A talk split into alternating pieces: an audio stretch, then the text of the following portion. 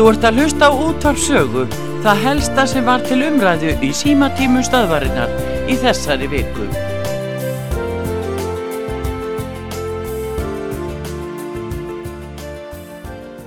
Gjörðu svo vel. Halló. Já, er ég á, á línunni? Þú ert á línu? Halló. Já, það er rétt. Gjörðu svo Já, vel. já, sæl Pétur, já, Ragnar heiti ég. Sæl og blessa. Ég hef nú hringt á þér. Já, já, ég veit. það. Herðu hérna, uh, já, ég veit ekki alveg hvernig ég á að byrja á að segja frá þessu. Já, En hérna, það eru svo margi minni hljöpuhópar í dag. Hefur þið tekið til því? jú, jú, þeir eru margir. Já, það er uh, samkynniðir og það eru transfólk og það er feitt fólk og, og já, ég bara, ég veit ekki, veit ekki hvað, sko, Já. bara, bara alls konar minni hljöpuhópar. Já, sem sækjast eftir hérna, já, aðtögli og, og viðurkenningu og allt það. já, og Og erum með- stuðningi. Já, og, er, og stuðningi. Pétur, eru með málsvara, skilur, sem að koma fram í fjölmiðlum. Já, félög, þeir Þetta eru er- félög. Já, ertu, ertu saman á mér? Já, já, ég minna það er rétt að minnur þetta hópar eru hérna margir og þeir eru með sérstök félög til að, að verja og, og, og stiðja og styrkja sína hagsmuni, segja þér. En sko, þá, sko, bara hver langt getur þetta gengið? Nú, nú ætlum ég bara að segja bara, um, bara mig persónlega. Já, Sko, ég, ég var 1.58, ég held sér 1.56 núna, já, ég var rauðhætt og ég er örfnett. já, og ég var með, ég var kynfætt og ég var með hérna distarsig og, og tábragsig og var í fótavingum í þrjú ár held ég. já, Ég meina, er ég ekki hérna einhverjum, er, nei, heyrðu, svo glem ég að segja frá því, fyrir ekki að hósta, að segja frá því að ég var annarkort, sko, dúks eða semidúks í skóla allar tíð. já. Er ég ekki eitthvað fyrirbæri? Já, til er minna þetta hópi, jú, jú, það, það má alltaf segja að all, allir einstaklingar hafa sín séreinkenni og, og hérna, Já. en það er eitthvað sem saminar ákveðna minnilötu hópi, hópa og þess vegna myndaður með sér félög, oft í hagsmunaskinu og kannski oftast. Já, og þá ætla ég bara hérna, hérna fá- fátala. Já, að ég semst er- var 1.58 já, og hérna ég hef alla tíð, ég, nú er ég komin að sjötusaldur, ég hef alla tíð þurft að hérna, hlusta á hérna, aðtöðasendir varandi mína hæð. já, já. Já, Hefur og hérna, nei, sko, ég er, er ekki að fara að stopna einhvern til hérna, minni þetta hópum um lágasna, en Nei, veist, þetta, nei, en þessi hópur, við sem erum lágasinn, við gleymumst. já, og, og, og, og ne, svo er annað. Ég vil ekki sinna að þessi stopna minnilutahópur, ég bara vil það ekki. Nei, en ég ætla bara að vekja hans aðtegla á sig til og með ég vann á vinnustafi í tíu ár. Já, og hérna, já, þá var ég sannlega 1.58, það skiptir ekki máli hvort ég veit 52 eða oft eður Heyrðu, og hérna og ég var svona eiginlega vikulega ámynd um það hvað ég var í lágasinn á Já. mínu yfirmanni Leiðir illa þegar að uh, þú varst í þessari stöðu sem hún lýsir? Nei, veistu, veistu, Pétur, ég held bara, veist, ef einhvern veginn bara reynda, bara, já, verður ekki að hlusta á þetta, en þetta hefur, sko, þetta hefur ómeðanlega, hérna, áhrif á sjálfsáluti á sjálfan, Mm. sjálfan sér.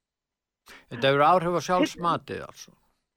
Já, Já, ég vil bara segja þér eitt, til dæmis bara það, að hérna, það kom inn sem ég var búin að vera, þarna og ég var frábær starfskraftur.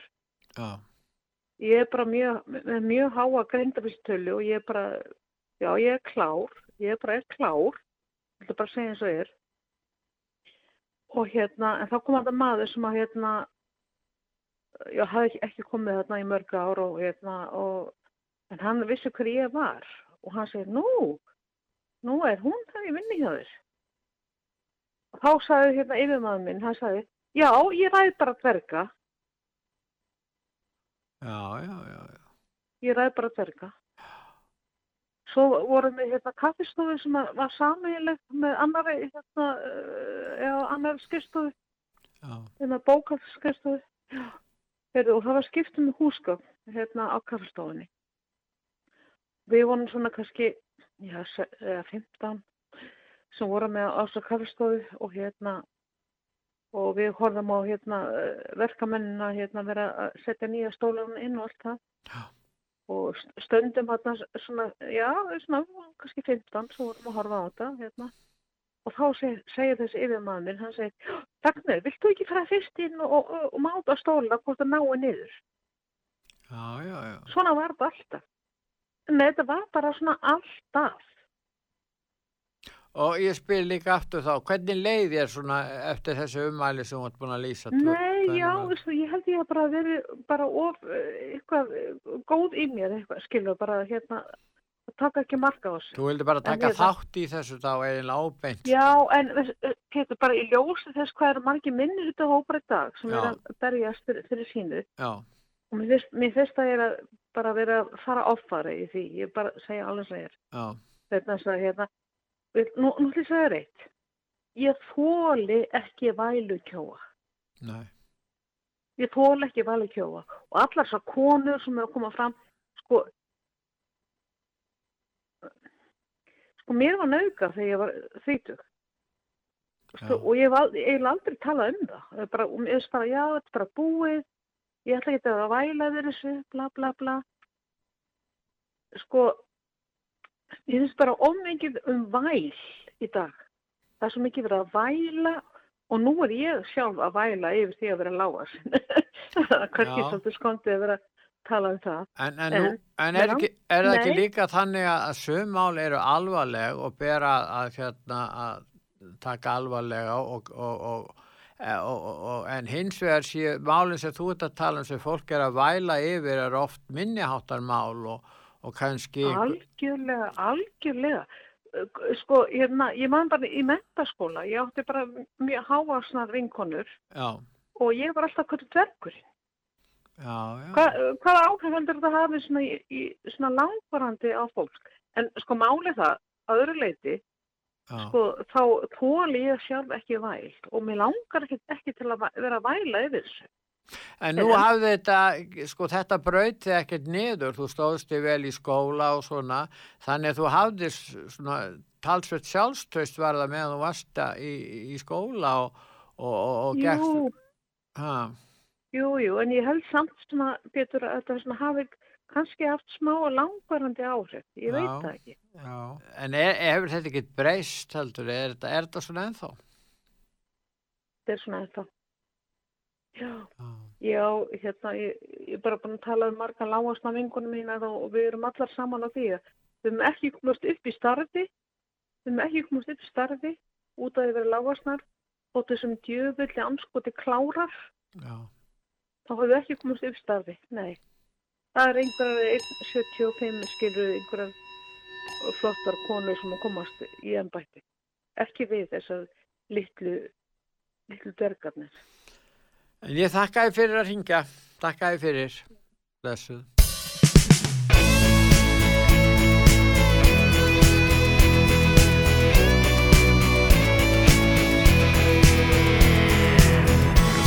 Ég sit og stari á þig Sé þig öskra á mig.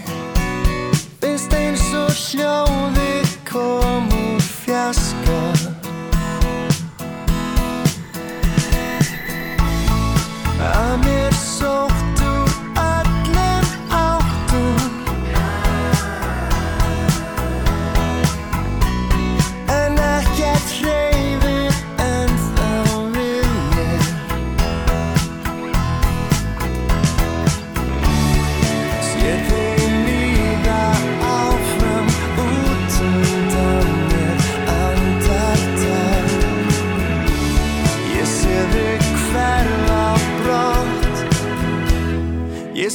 sé þig kannski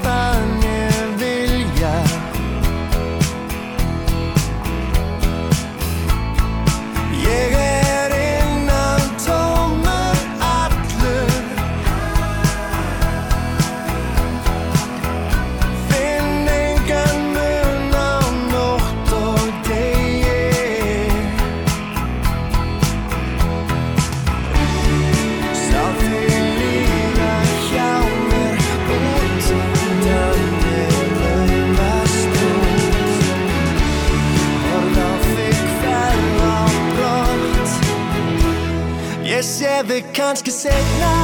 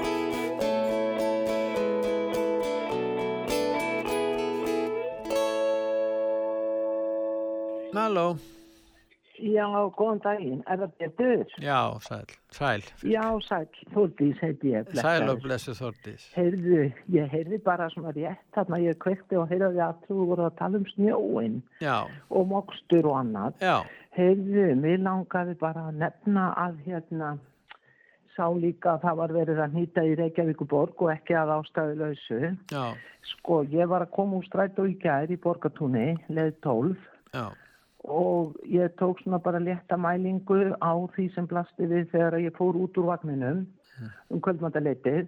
Það var svona 35-40 cm snjóalag um leið og ég steg út úr vagninum. Og ég þurfti eiginlega að hugsa ætla ég að fara sko taka sundtökin eða taka flugferð á þetta?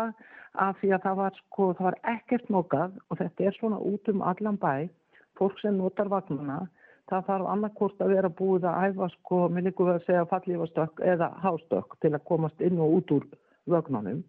Og þetta er auðvitað algjörlega með ólíkindum að þeir skuli býða eftir að snjóðin sko fyrst að hann snjói svo að það regni helst aðeins olíjan og blotni og svo frjósan þá þeir ætla að fara að moka skilur við. Borgin er í raun og veru ófær fyrir gangan bregfærendur, þetta er algjörlega með sko verra móti myndi ég segja. Já, og það fauk í mig þegar ég hérna sá það að borgin var búin að fá ábendingar frá sko starfsmönnum án þess að hlusta nokkuð á þá. Og þetta er mjög einkennandi finnst mér fyrir verklag borgarinnar og svo sem fleiri fyrirtæki og stofnana. Það er að hlusta ekki á þá sem verkin vinna og hafa vitið heldur halda þeir sem eru í þessum fílapinnsturnum eins og þessum 18-19 hæða turni þar sem að stjórnendur borgarinnar eflaust sitja og horfa bara út, út á sundin blá að, að taka ekki sko mið af þeim, þetta er þessi menn sem vinna yfirleitt í svona mókstri og, og verktöku og einu og öðru. Þetta er yfirleitt eldklári flinki menn, margir þeirra hafa sko búið oft verið aldrei upp eða var þannig í gamla daga þegar ég byrjaði að vinna í verktaku umhverfi þá komu þessi menn margir utan að landi og þeir voru búin að vera í sko framkvæmdum og stússi bara eiginlega frá unlingsaldri og þessu nákvæmlega hvað þeir voru að gera og segja, bara ótrúlega klárir ofta á tíðum og flinki menn, bæði vila og tækja menn og þetta er bara svífirilegt að borgin skuli ekki taka mið af því sem að, að er verið að reyna að, að benda þeim á og kaupa sko bandivillust tæki og annað. Og síðan hérna að bjóða svo mönnum upp á hriglega starfsmann aðstöðu í gang. Þetta er fyrir neðan allar hettur. Þórdís, ég held er- að borgin vildi upphefja almenningssamgöngur. Já. Æ, var það ekki líka. og ekki verður snjórin, hverfur stjórn, snjórin þegar að borgarlínan verður innleitt. Ég meina, þeir, minn hvernig verður almáttugur. snjómoksturinn þá því þeir auk vilja stóra auka almenningssamgöngur. Ef þeir sinna þeim að, þessum litlu almenningssamgöngur núna sem eru 4-5% sem að nota þetta staðaldri 4-5% og síðan ganga sumur og það er náttúrulega ekkert verið að, að, móka snjó á gangstjættum, við vitum það. En uh, hvernig njóskapunum alltaf er þá að, að innleiða borgarlínu? Alltaf er að leggja meiri fjármunni í snjómokstur þá? Hvað heldur þú?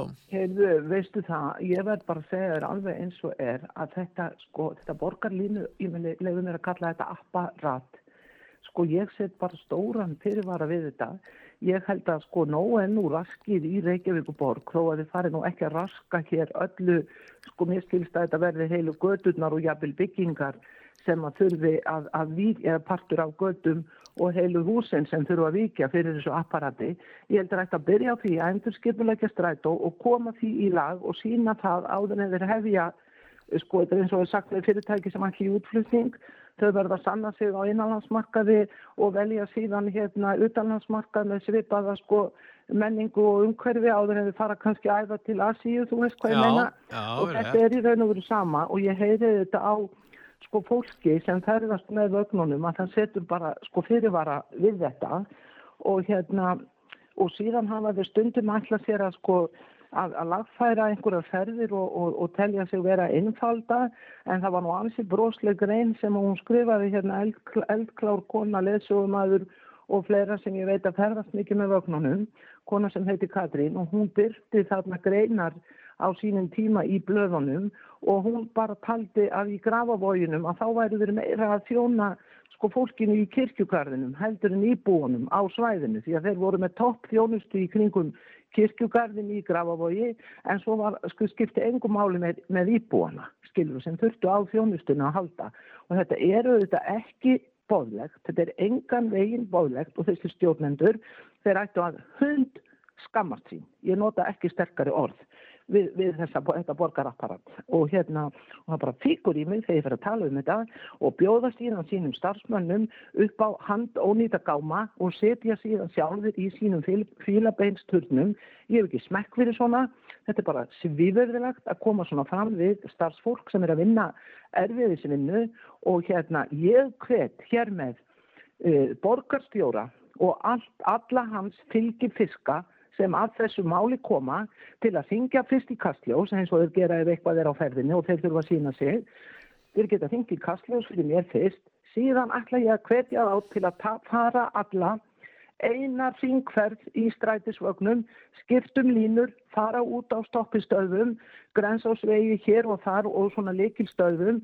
Þar er þjónustan engin fyrir farþega, það er búið að loka á alla þjónustu, snirtingu, salerni, fólk má standa úti, geta það sem úti frýs, sama hvort það er matöllin, mjóttin eftir klukkan 5-6 eða þarna skils mér að sama hafi verið gert einhver upp á höfða og þetta er bara ekki hægt og þeir verða bara að aðtúa sinn gang. Þeir geta kynnt sér fyrir norðan hvernig þeir hegða sér þar í sambandi við snjómókstur sem að mér skilst að sé algjörlega til fyrirmyndar. En þetta bara þessi hérna þessi framkoma í garð venjulegs Íslands almenning sem er síðan kvartur til að ganga, laupa svifa, bara ég held að verði best að fara að fá sér bara svifdreka yfir borgina.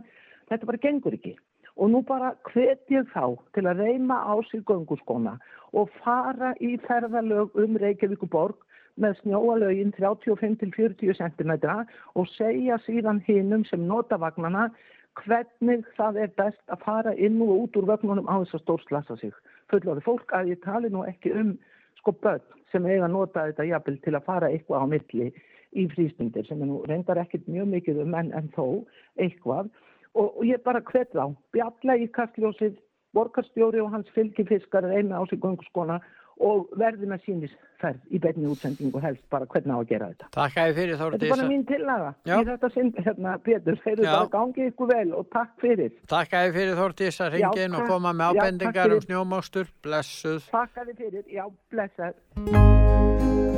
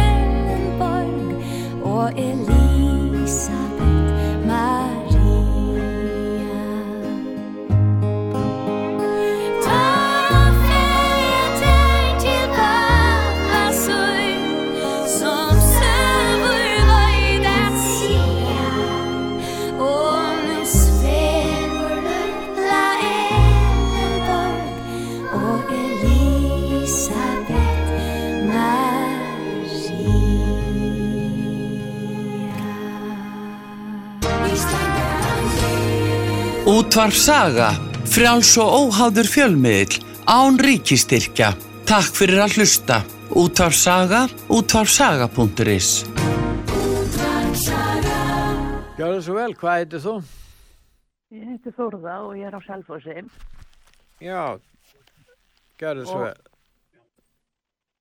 Halló, Já, halló. já, gjörðu svo vel. Já, halló. Halló, gjörðu svo vel.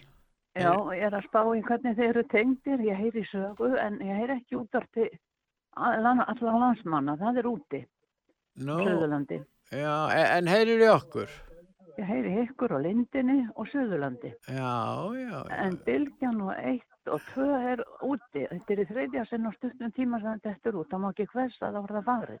Já, já, já, já.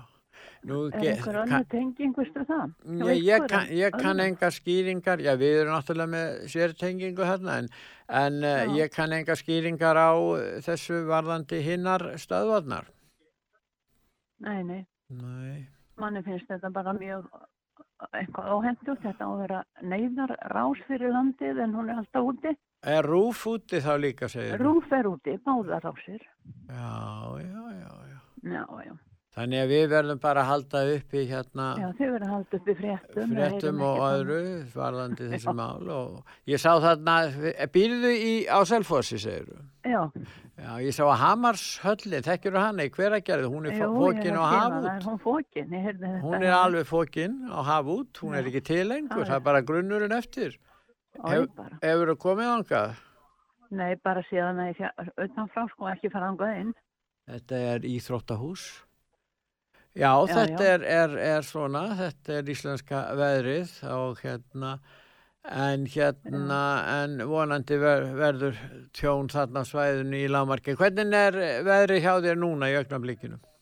Það er alltaf mikið rók Já, og svona snjór á öllum gluggum. já. Er nokkur Það var umferð? austamegin í gær og vestamegin í dag. Er, nok er nokkur umferð á göttum þarna? Já, já, eitthvað smávegis. Eitthvað smávegis, já, já. Já, heyrðu, en ég veit ekki, sjálfsagt kippa er þessu Nei. lag hérna stöðvarnar, við viljum endilega að það heyrist í þeim, svo við Já, viljum já. að þeir Af sé því nú til þetta á að líka. vera neyðar atkvar fyrir landsmenn, á að hlusta um eitthvað skeður. Já, já, já. Það segja þeir allavega. Já, já, já, það er, það er nú meina réttlætingi fyrir þessu e, útvarskjaldi að þeir gegna Já, þessu hlutverki. þetta á að virka fyrir alla, en það virka bara alls ekki. Nei, nei, það er svona, það getur líka farið þannig. Ég þakka þið fyrir að benda á þetta. Já, takk. Bless. Vertu blessuð.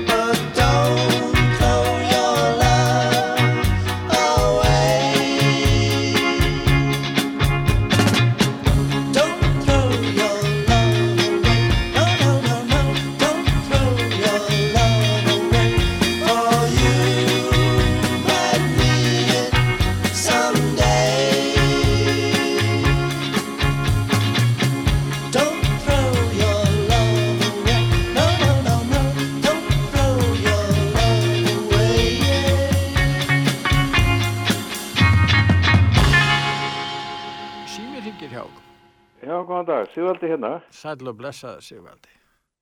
Er þið nú, hérna, eiga þeir að mæta þetta fyrir lögregluna fjóri bladamenni, það ekki? Jú, þeir er kannski byrjaði að yfirheyra þá, ég bara veit það Nei, ekki. ég, svo sem hefur ekki alveg tímasetning á því, en, en það stendur til og, Já, já. en er, er nokkuð mál þá fyrir saklusa samherja menn að fara til Namibíu? Já, akkur gera þér það ekki, akkur Já, fara ég meina bara framhald af, af Já. hérna bladamálinu hérna, Já, þeir fá bóð ætti ekki vera mikið mál fyrir saklusa menn að fara þarna suðuristir. að Namibíumenn bóða þá í þingkald hérna, samherjamenn og þeir bara skelli sér til Namibíu og, Já. og reynsi sig af ábyrði.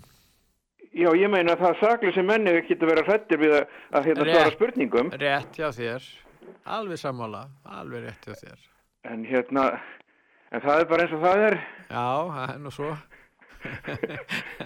Er því, þakka fyrir í dag. Þakka, en hvað segir um, um hérna bladamennina? Nú, finnst þér ekki, finnst þér það stórmál fyrir þá að þó þeir hérna kalli og, og hérna sinni bóð um lauglubóðun um að mæta til yfirheysl og skýslutöku. hvað Nei, ég held að það sé bara alveg, alveg sjálfsagt eins og bara lögir ráð fyrir og, og þeir það. hafa ekkit að skamma sem fyrir eða Nei. að ég held. Og er það ekki ágætlega að upplýsa þetta mál? Það er alls konar Jú, fullýringar sem það hafa er komið fram. mjög gott, það þarf að gera það. Já.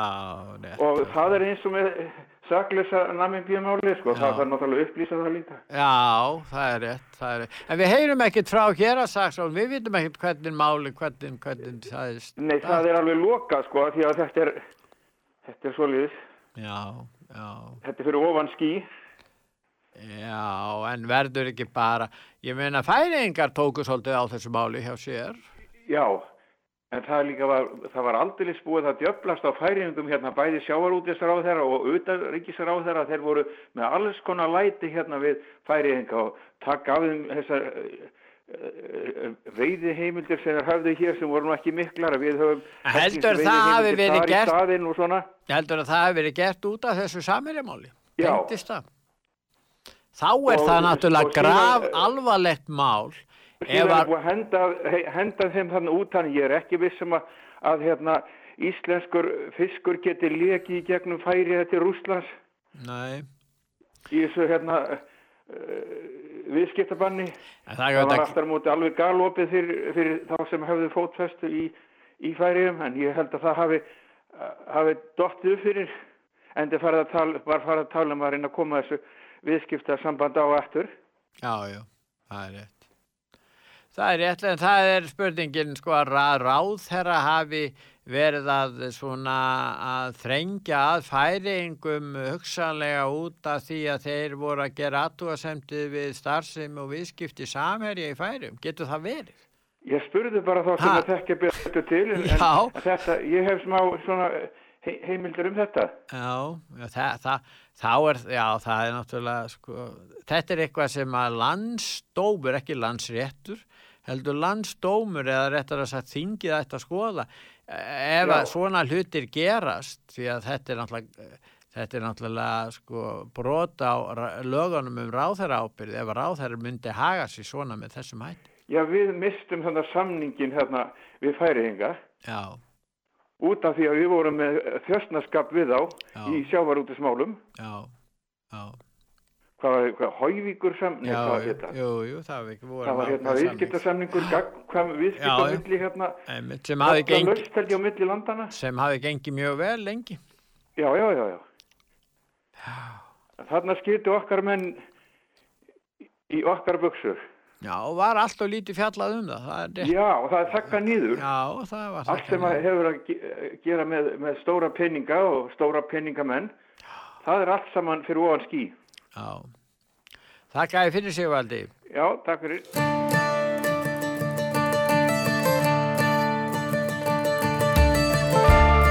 Ég horfi út um gluggan minn Í snjónum frosin slóð Einhver er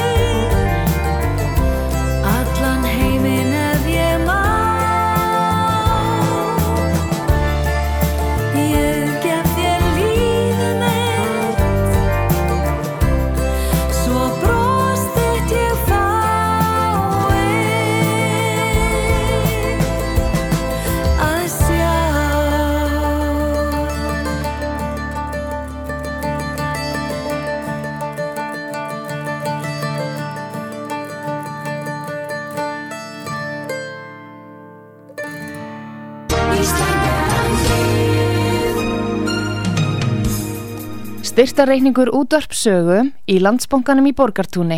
Útibó 133, höfubók 15, reikningur 10100. Nánari upplýsingar á útvarpsaga.is. Takk fyrir stuðningin. Gjörðu svo vel, hvað heitir þú?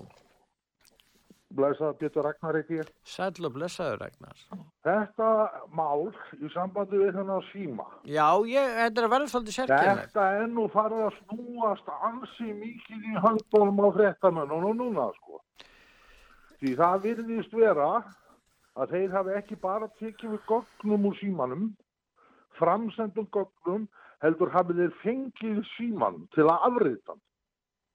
Já, já, Þar með ert þú farin að höndla með þýfi.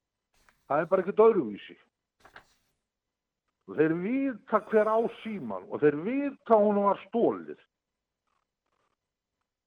Og sko, það, það er að koma þarna í ljós, sem ég talaði við þig í síðustu viku, þetta geta verið alls konar persónulegi hluti sem koma þessu máli ekkert við. Sem að eru sem sagt verið að senda á milli sín Sko það kemur engum við hvort að maður hefur gaman að því að taka upp einhverja kynlýseri og með sjálfum sér svo framalega sem það eru ekki sko uh, sagnamar skilur við. Það bara kemur það engum við. Og þetta er orðið sóðalegt mál, verulega sóðalegt. Og þá held ég ekkert með samherja eða hvernig sem það er. nei, Fólk nei. getur ekki ímynda sér hvernig það er að missa sín persónulegu gögn í hendurnar á svona fólki.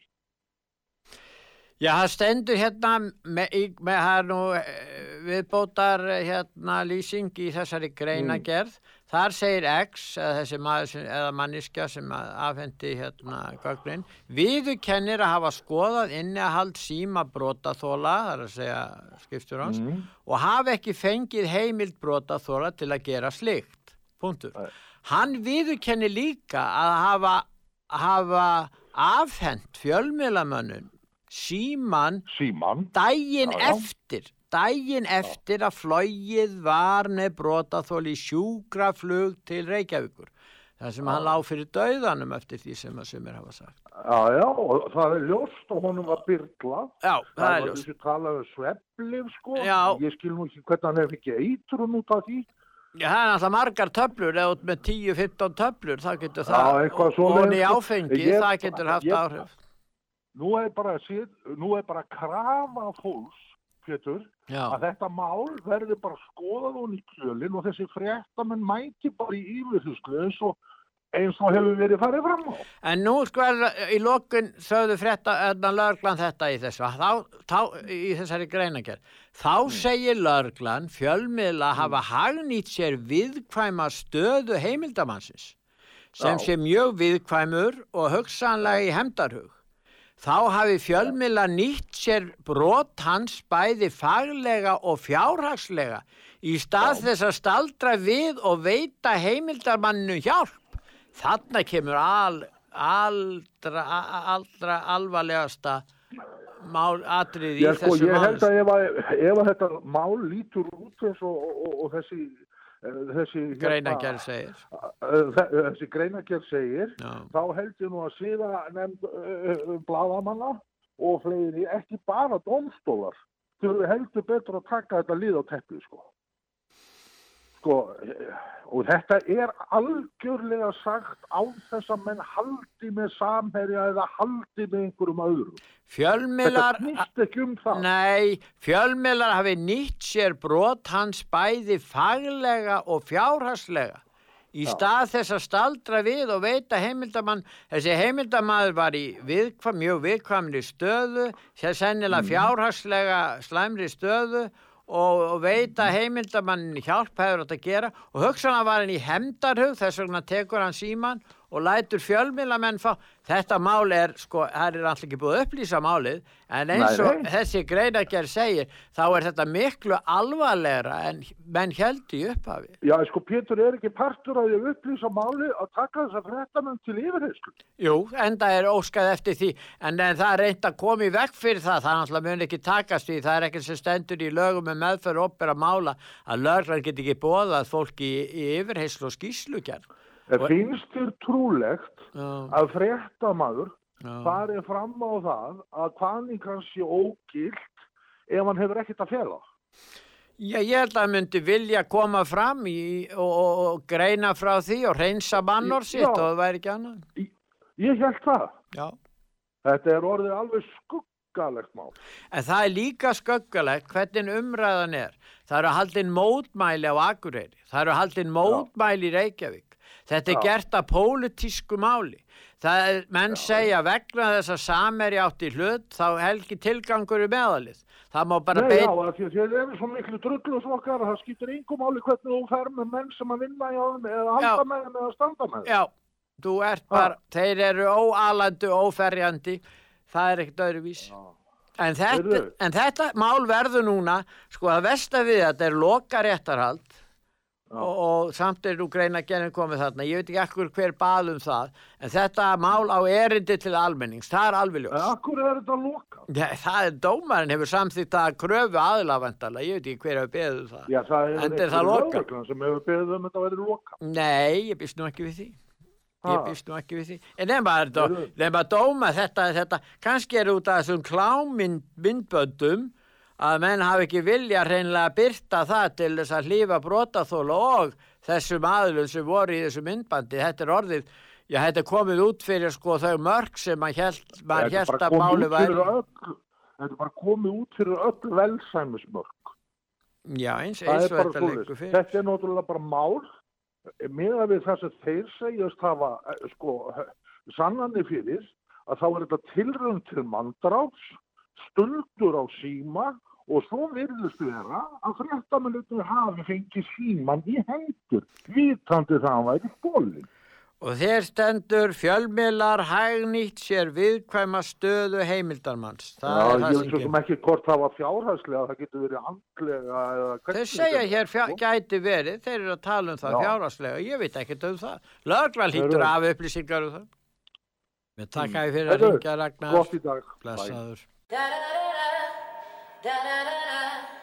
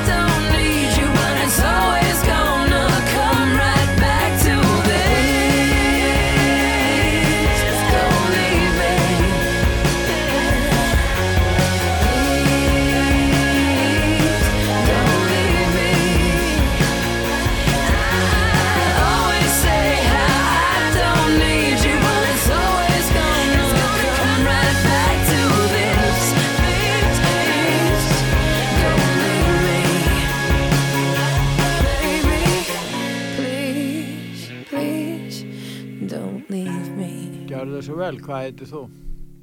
Já, sælir, þetta er hérna Benedikt Lafleur. Sæll og blessaði Benedikt. Þessar, heyrðu vel í mér, ég heyri. Ég heyri nú alveg svona sæmilega í þér Benedikt, gjörðu Já, þessu vel. ok, já, heyrðu, hérna, ég ætla að aðeins að koma í nokkrum punktum varandi Úkra, hérna, Úkrænu og, Já, og ástandi þar. Ég syngdi nú hann einhvern tíman á sín tíma og talaði við Artrúðu um þetta og hérna, já, kannski alltaf að, að leggja áherslu á hérna, hvað þetta er svona flóki í raun, þetta er flókin deila og erfið og, og hérna, er að því að fólk hefur nú verið að fengi ykkur og láti ljósina skoðun varandi, varandi þetta allt saman. Já, og hérna, sko málega er að flestir sem eru að hringin, þeir hérna, hafa ekki með fullir virðingu fyrir þeim, þeir hafa bara ekki nú ekki vit á og þekkingu á ástandinu og hvað, hver, hvernig það er og hvað hefur verið að gerast uh, bara í gegnum tíðina. Sko. Það, það, hérna, þú ert að tala um Og- sö sögulega yfirsýn yfir máli. já, sögulegu sín og líka bara hérna, þjóðasálin og, þjóð, og, og, og, og, og vitund fólk. Sko. Er, ég bjó hann að daldi hann í eitt ára var sjálfur Hvar? Fullur af rákumundum og, fordómum þegar ég fór, sko. hvar, hvar dvaldur? hérna, Ég var í Kíf og fylgdist með byggingunni, sko, bara með Já. augum, sko. og hérna, 2014 þá? tal, Já, 2013-14 Já, og var hérna á svæðinu og, og hérna raun gæti haldið langar fyrirlestur um um hérna það sem ég var vitni að og, og, og mína reynslu sem er þó ekki sko mjög ítalega ekki eins og hjá honum vali eða, eða hauki sko en, en samt þarna gæti ég sagt ímislegt sem er kannski fólk hérna uh, væri hissa að heyra en, en sko í svona, ég ætla ekki að halda langa fyrir störum þetta en, en bara koma nokkrum punkt, að nokkrum punktum. Já, sko, hérna, það, fólki hérna er, eins og ég sagði vartur, er klófi, það, það er þjóðin er eiginlega klófi, það eru svona meira eldra fólk og kannski miðaldra fólk sem er, vill ekki gangi í Evrópusamotið já, og, og, og vill, vill halda góðum tengslum við rússana, síðan er það í- aðalega yngra fólk og, og kannski mesta fólki sem vill rótakari breytingar og, og, og hefði hérna og vill ganga eh, bara til þess að bæta hérna, vill ganga í Európsandi kannski ekki þess að hvað það er gott en það gerir sér vonur um að og gerði sér vonur um að ástandi myndi batna hratt og það hérna og efnasástandi og, og, og þannig að það, það, þetta snýst nú vola mikið um það að fólki, það er fyrst og fremst að hugsa um það að, að það hafi bara hérna, að, að efnarsástandi batni og, og hérna, en það sem hefur gerst eh, því miður að, að, hérna, að efnarsástandi hefur í raun vestnað sko, það, sko spillingi var mjög mikið fyrir og, og hún er til staðar en mér, mér sýnist að vísu að hún hafi aðeins minkað en hún er samt mjög mikil en þá og en, en efnarsástandið er þannig að, að sko ég skil ekki sko hvernig fólk getur lifað bara af núna. Sko hérna, maturverð hefur hæ- margfalt hækkað.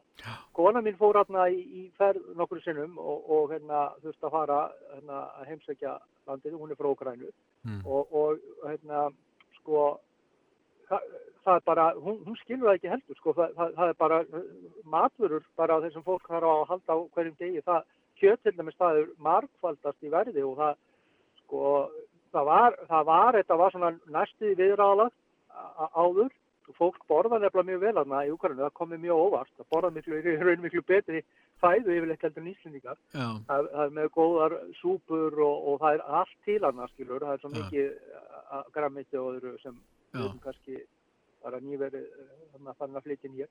En, og, og, og mjög góðar vörur, mjög gott, góður matur þarna. En það bara, fólk hefur ekki efnað að kaupa kjöldlingur. Það, það, það hérna, lifið nánast bara kartöflum og, og öðru. Það, það, en það hafa mjög margir flúið kænugarð eða, eða kýr og, og leitað í, sko, í sveitindar og, og svona... til að rækta kartöflur altså, hlúið í sveitirna til Nei, bara leitað í aðra borgi bara því að Já, það er dýrt, það er bara flúið sko, það er bara svo dýrt að lifa hann í, kýr. En þe- þeir segja margir sko að, að ríki þarna er brotið og stjórnarstefnan missefnið, þú ert að lýsa efnahagsástandinu og, og Já, þetta allt já. saman er þættir í, í þessari ástæðinu fyrir þessari upplaus sem er á svæðinu.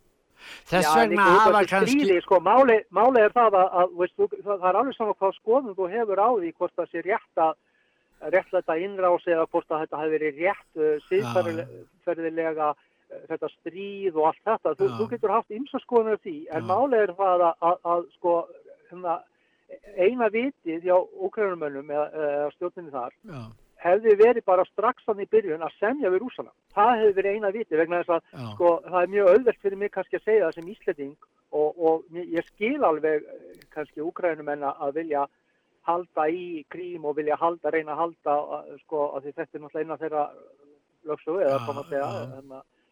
Ríkis en, en, en sko innan þeirra formlegu landamæra. Já, já, en það hefði í raun verið langt best fyrir þá sjálfa ef þeir hefði sami bara við rúsuna strax, gefið þessi krím vegna þess að þeir voru hvort sem er með þing og sjálfstjórn fyrir og þeir kölluðu á rúsana. Það, það verður ekki þetta mótmæla. En þú varst þarna 13 til 14, 2013 til 14.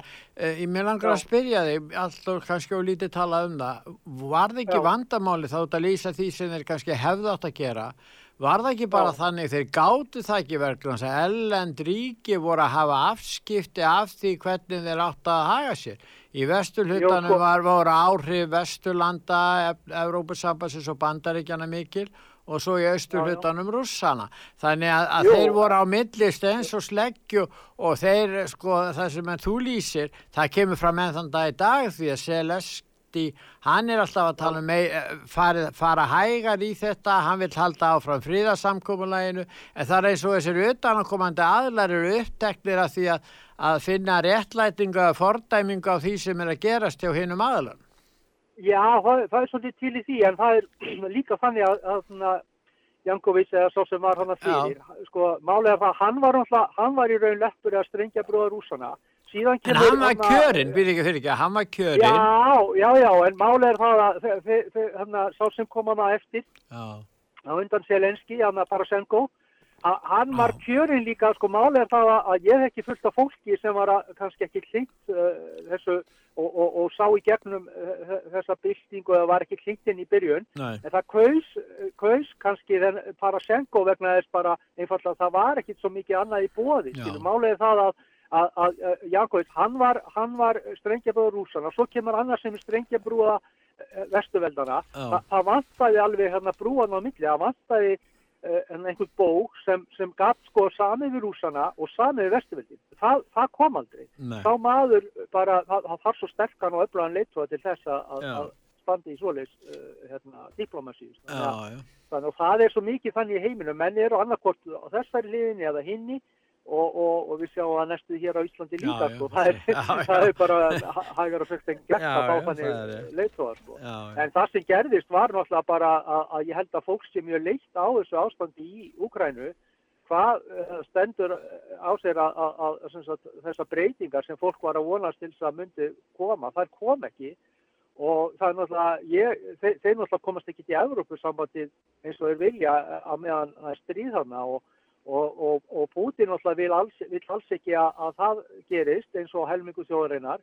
Þannig að, að, að þetta er allt mjög skiljalegt sko, þannig að þarna, það hefði bara verið langt best fyrir alla aðila ef þeir hefði samið við Putin og, og, og, og nú hallar hann sér meira kínvörum þannig að þetta er orðið bara þetta er orðið ofsalúr nútur sko og alveg erfitt að En, en, sam, já, en sko ef við tölum um krímskaga til dæmis, já, það já, fór fram kostning og það er allt talað um að allur krímverjar, þeir sem þar búa á svæðinu, vilja ekki verða hlut af Úkrænu. Og þessi svæði sem er í austurhuttanum sem eru núna hafa líst yfir uh, sjálfsfullveldi sínu og sjálfstæði Já. þessi, þessir íbúar þar, með skoðst mikil meiri hluti, vill ekki fara aftur og, og verða hlut af Úkrænu. Þeir vilja sennilega vera já, hlut af Rússlandi líklega eða þá sjálfstæðir já. bara. Já. Já, Þannig að við erum með þennan hóp, Póls og Rúss, þegar Já. Sovjetríkin leysast upp, þá voru að vísu Já. ákveðin landamæri sem fylgdi hverju Sovjet líðveldi uh, og þetta var spurningin um það hvernig og, og, og síðan fluttust rússar inn í mörg þessara Sovjet líðveldi, svo í Baltiklöndunum og víðar og þetta er ennþá viðvíkjandi vandamál vegna þess að rússarnir sem örðu eftir í þessum ríkjum að þeir eru ekkit vel liðnir heldur.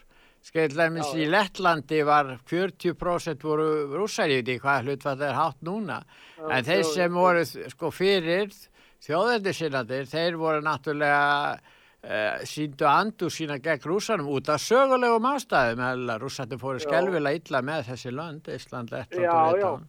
en það voru náttúrulega fyrir, fyrir áður sko, en, en, en það er náttúrulega þetta uh, muna menn þá tíð kannski líka, en það sem hefur komið óvart er hvað sko Putin er, hann er náttúrulega mjög vinsall í Rúslandi og uh, þrátt fyrir kannski einhver einræðis tilbyrði sko, þá er það samt sem áður sko, þannig að svona líðræði sem er í þróun, kannski má segja, eða sé svona eitthvað líðræði þarna og en það sem kom mér líka óvart hvað sko uh, rússarnir eða þeir sem eru í Úkrænu að þeir vilja bara ekki, sko, það er ekki það að þeir elski endilega Putin heldur að þeir vilja bara ekki gangi í Evrópusambandi og, og það er málið og, og hérna, þeir eru svo hrættið við það.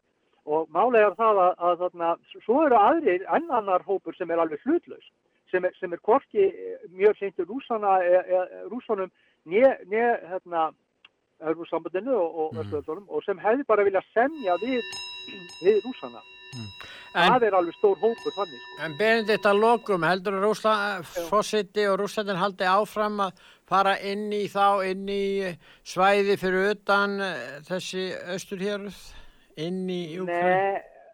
Nei, ég myndi nú, ég sé enga ástæðu til þess sko, ég held að þess, að þeir eru náttúrulega fyrst og fremst vilja að- að að tryggja frið á þessum svæðum sko og, og, og, og, verja sína borgara og svona og, hafa ítök þarna til þess að koma í veg fyrir að, að, að, að, að úgrænumenn geti svona, hvað má segja, styrst gagvart vestuvöldunum eða, eða svona halla sér von mikið þangað Já. og, og þeir næra svolítið ófreinum líka sér, en þeir vilja náttúrulega líka verja sína borgara Já. og, og þannig að þeir vilja halda, ég, ég held að þeir hafa bara vilja sína að þeir, þeir geta þetta og þeir, þeir hérna, bara styrkja sína stöð á samningaborðinu og síðan vera samningar í kjálfari. Þeir hafa, sko málega það að þetta gat ekki, hérna, hérna, það, þetta gat ekki vara svona enda laust eins og ástandi eins og það var. Nei. E, e, sko fyrir hvoran aðlan, þá, gat þetta ekki vara svona lengur. Þetta, þetta En- er í ra- í raun allt betra en, en eins og þetta var. Þannig Stóri ávinningurinn fyrir Úkrænu er betra efnahagsástand í framtíðinni, það er miklu möguleikar Ég í held að, já, það verði bara samið og Já. það er bara í raun öllu fyrir góðu. Það er held ég að það sem, það hljó, menn hljóta að komast einhverju samkomulagi á lokum. Það, ég trú ekki öðru. Takk að fyrir Benedikt, Það er ekkit annað í bóði, já. takk að fyrir. Bless.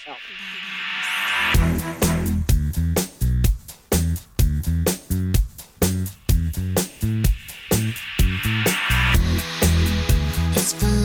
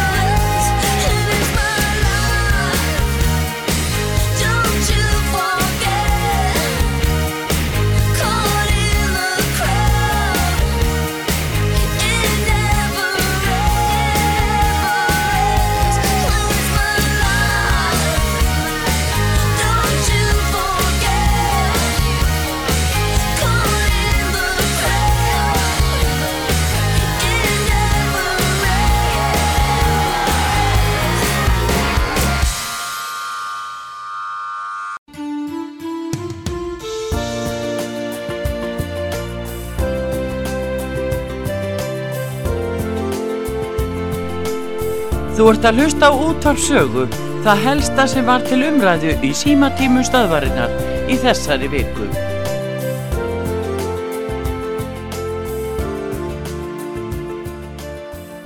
Góðir uh, hlustandur, þér að hlusta á útvarssögu, útvarsstjórin er mættur Artur Kallstóttir. Já, komið þið sæl aftur. Ég er nú aðeins bara að koma með innskot hérna út af uh, uh, þessu ástandi í Rúslandi og Úkrænu Já. og það eru þessi hlýðar áhrif sem að margir hafa óttast að uh, það er Þískaland, það er uh, kanslarinn Ólaf Scholz sem að segir að nú hafi þeir stöðvað Nord Stream 2 gasleysluna og framkvæmdina sem er í raun og veru tilbúin það vantar bara að uh, hleypa Hún er búin að vera tilbúin í tvo mánuði. Já, já, hún er að að tilbúin og- Já, en það er af því að Biden stoppaði það, hann setti það sem kröfu að þetta er ekki uh, sett af stað og þetta eru sko spurningum afleðingar fyrir Þískaland og rauninni Evrópu líka. Það er ekki gott mál og hérna því að nú er náttúrulega sínda að gasið fer bara yfir til Kína, það eru þannig samninga við Kína og það, þannig að þetta fer bara annað og Kína blómstrar fyrir bræðið en Evrópa þarf að líða fyrir að kaupa miklu, miklu dýrara uh, gas og, og, og hérna orku Já, já.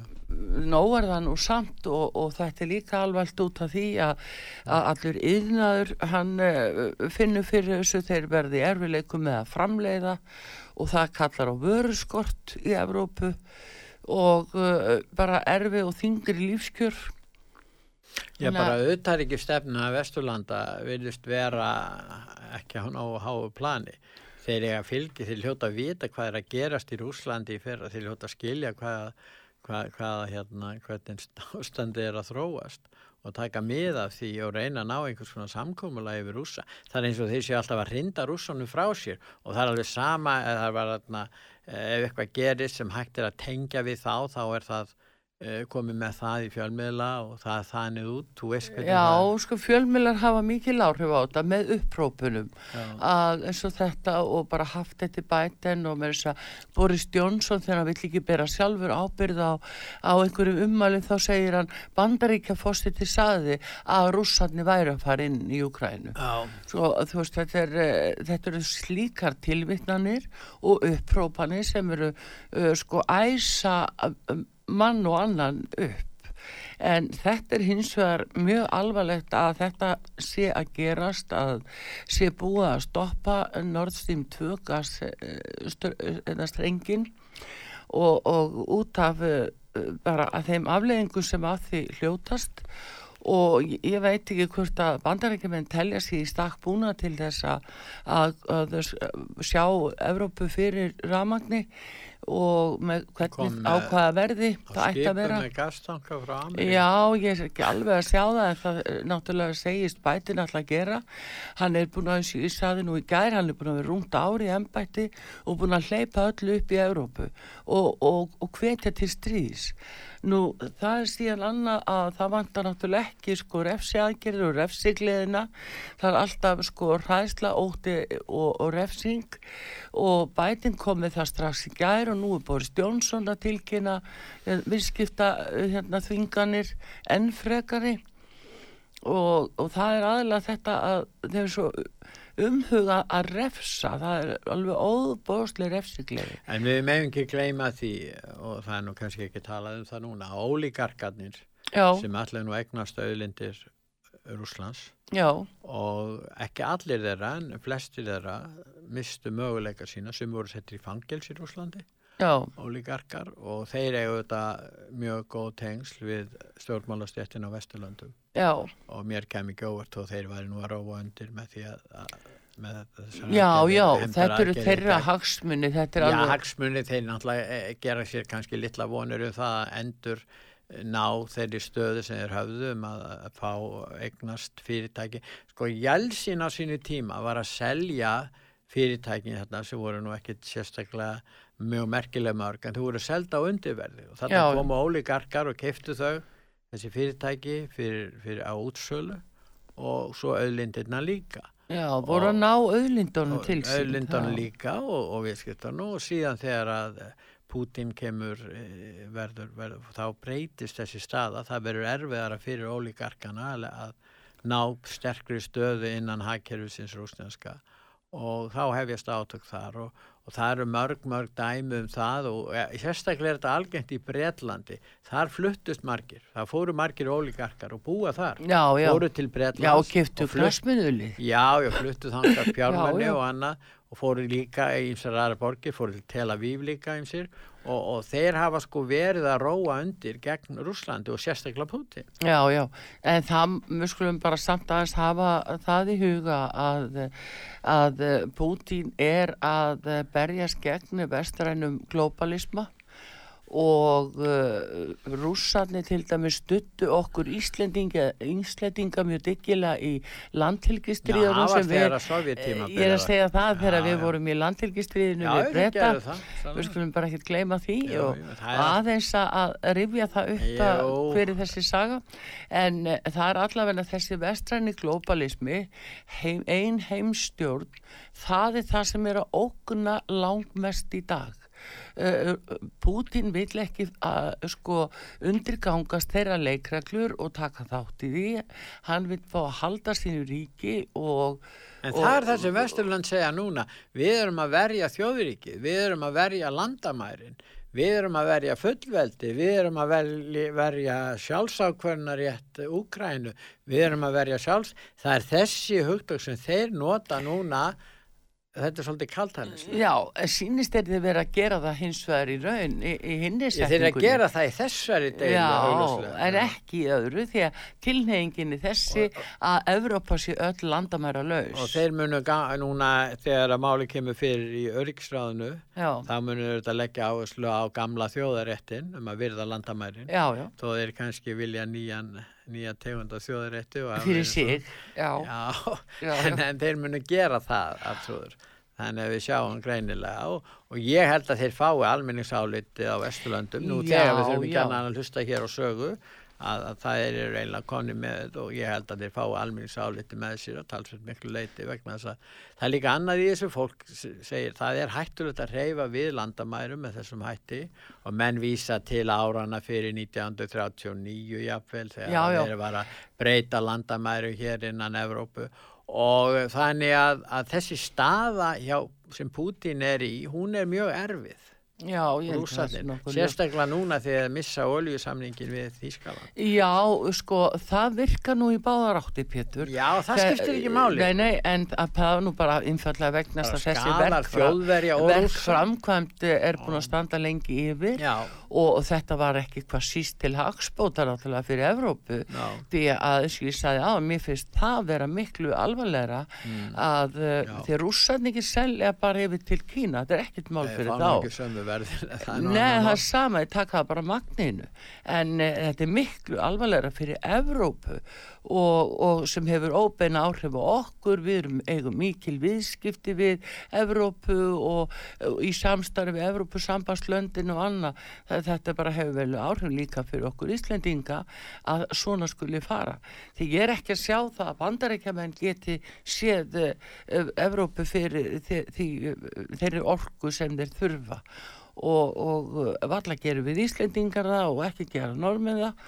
Þannig að hvað þá og þetta bara þýðir efnaðarslegt mikið áfall fyrir Evrópu það er alveglegasti hlutin í þessu en hins vegar er rétt að segja frá því að, að núna misti morgun þá eru svona hlutabrefar hrinja í mörkuðum í Já, Rúslandi og oljumörkuðum þar sem er náttúrulega eðlilegt í þessar aðstæður en uh, og þau það er spurningin mar markaðinu munu vættalega lækka brefin núna í Wall Street núna í dag. Já, Og bara við því. byrja, er byrja núna strax. Já. En ég ætla að hverja sinni. I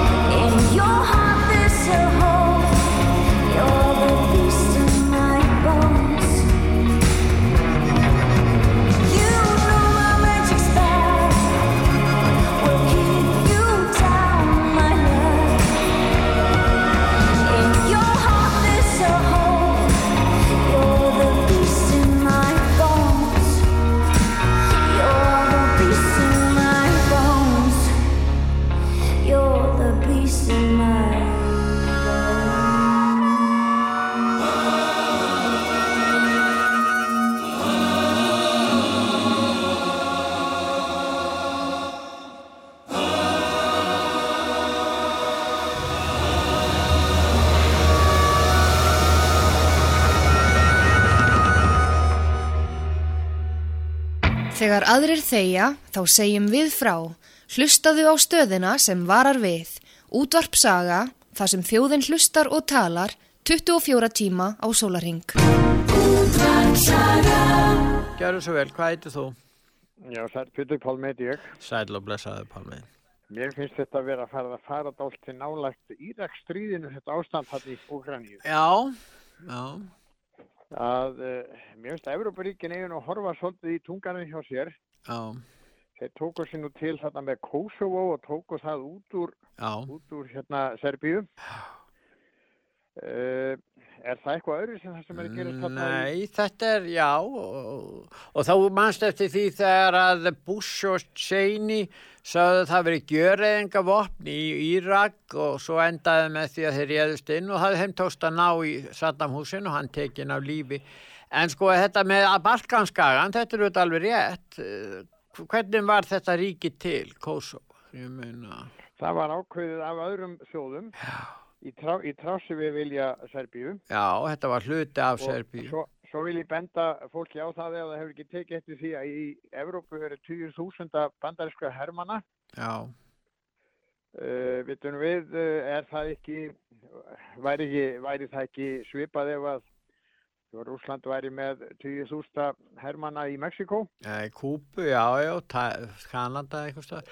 Jú, jú, það, þá myndi bandaríkjamenn verja sína öryggis hagsmunni, það er það sem er máli. Sko, ég held að sé líka útbreytt skilningsleysi á öryggis hagsmunum rússa. Við, sko, menn telja að uh, rússarnir eigi ekkert að óttast Vesturlönd, þeir eigi ekkert að þurfa að gera það. Þeir upplifa þetta með öðrum hætti, verið störa. Hver hefur staðið fyrir allan þeim stríðöldar sem hefur verið undanfæri 40 ár? Pétur? Já, þú ert að tala frá Víetnamstríði til, til Írak og, og Líbí og fleira, jú, við vitum alveg Vesturland hafa ekki, það er ekki bara bandaríkinn, það var líka saminu þjóðar sem samtyktu innrásinn í Afganistan og því stríði lauk í fyrra, þannig að, að það eru ýmsi sem hafa komið að þessu og, En og Pétur, er ekki eitt sem að þyrft að ræða miklu meira? sko? Hvað já, vill fólkið á þessum svæðum? já, Er eitthvað spurt um það? Það er aldrei spurt um það vegna þess að það er alltaf hagsmuna aðilar sem er einhver fyrirtæki og gróðapungar sem að íta á ákvæmna takka já, og þess vegna erum við í þessum farfið. Þetta er nákvæmlega sama sem er að gerast í Úkranju. Það er mönnum varðar ekkert um Úkranju menn yfirleitt. Þetta er bara business. en er þetta Halda ekki niður á... fyrirtækjum á austan, Petur, þetta er engin spurning um það að þeir eru að halda þeim niðri með þessum, þessu háttalagi og þetta er bara ömulegt að, að sitja hér á þessari eigu og, og, og horfa á það og, meðal annars þingmenn af Íslandi að blanda sér í þessi mál og ráðherrar. En er það ekki þannig? Þú tala um að spyrja máli tólsins á svæðunum, til þess að í miðausturlöndum, við tökum Síland, Írak, hérna, nú, ég bli Egiptalandi, þar var nú eitt sem var rekinn frá, hann tengdist uh, bræðralagi múslima.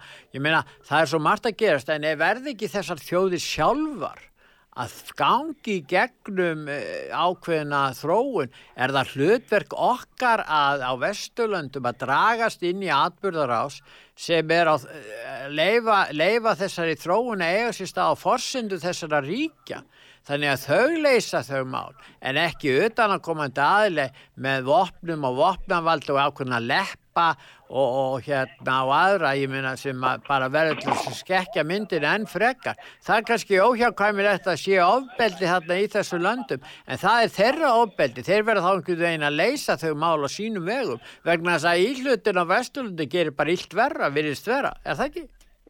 Pétur, á Krimskaganum Uh, þá, þá eru líklega 94 eða 6% rússar.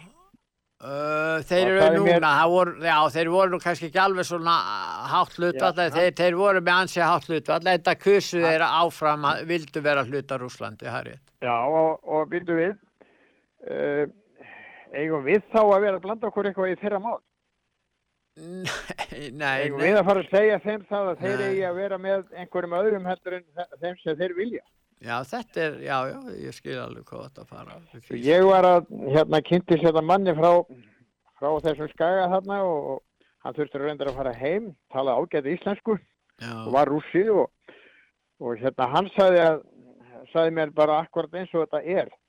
Akkur fáum við ekki að ráða því hvar við viljum vera. Já, Akkur fyrir einhverju aðrir að skipta sér að því. já, já. Já. Og það er náttúrulega kemur til út af því að þarna eru einhverjir business hagsmunir sem að náttúrulega blasir við okkur að hernaðar fyrirtækin eða framlegendur í bandaríkjónum þeir fitna akkurat aldrei meiri nú. En, en það, Já. slá, já, en það er líka sláandi sko, okkur finnst sko að bókstafstrúa menn múslimar, við svona flestir hafa nú eh, kannski lítinn áhuga að þeir náu völdum, en þeir náðu völdum á sínu tíma, svolítið langt síðan þó, í allsýr og fengu í kostningum mik mikil meilhluta. Þá kom einhver herfóningastjórn stutt af Vesturlöndum sem tók að þeim völdin. Eins gerist í Egiptalandi þar sem að bræðla múslima, þeir voru kostnir í kostningum, þá komu hersönger þar herfing, eh, sem voru stuttir meðal annars af bandaríkjunum baku tölda það vita mál og þessum uh, hérna, bóstafstrúa fólki ítti hliðar. Við verðum bara sætt okkur við það vesturlandabúar ef að þessar þjóðir á, í miðausturlöndum eða í Araparíkjunum vilja kjósa yfir sig, það sem kosið er, annar borð, yfir sig bókstafstrúar, klerk og aðra slíka, þá verður mann bara taka því. Það gerður í. Íran á sínu tíma, ég meina Khomeini, þjóði vildi fá Khomeini aftur til valda á sínu Já. tíma og reka keisaran, ég meina áttu, Já, já. hugsa, ég meina, uh, og síðan var reynd nú að hafa í mikil afskipti, þetta verður bara eiga sér stað þróun á þeirra forsendum, ekki á okkar forsendum, ekki á, á því hvernig við viljum hafa þetta, vegna þess að ímsi hér á Vesturlundum hafa ímögust á þessum bókstafstrúamönnum og það er mörguleiti skiljanlegt því þetta er svo framandi í augum margra frjálslindra Vesturlandabúa. En við, það er ekki okkar að fara að stjórna öðru fólki og síni skorta á umburðalindi og bara rétti annara til þess að móta sín öll og sína framtíð. Og þess vegna er þetta bara að finna slæma í hvers skipti sem að Vesturlandi eru með þessi afskipti. Það er svona minnst sko, finnst mér reynslan sína okkur. Þetta er gott í dag hjá okkur. Takk fyrir. Við skulum líða á auðlýsingar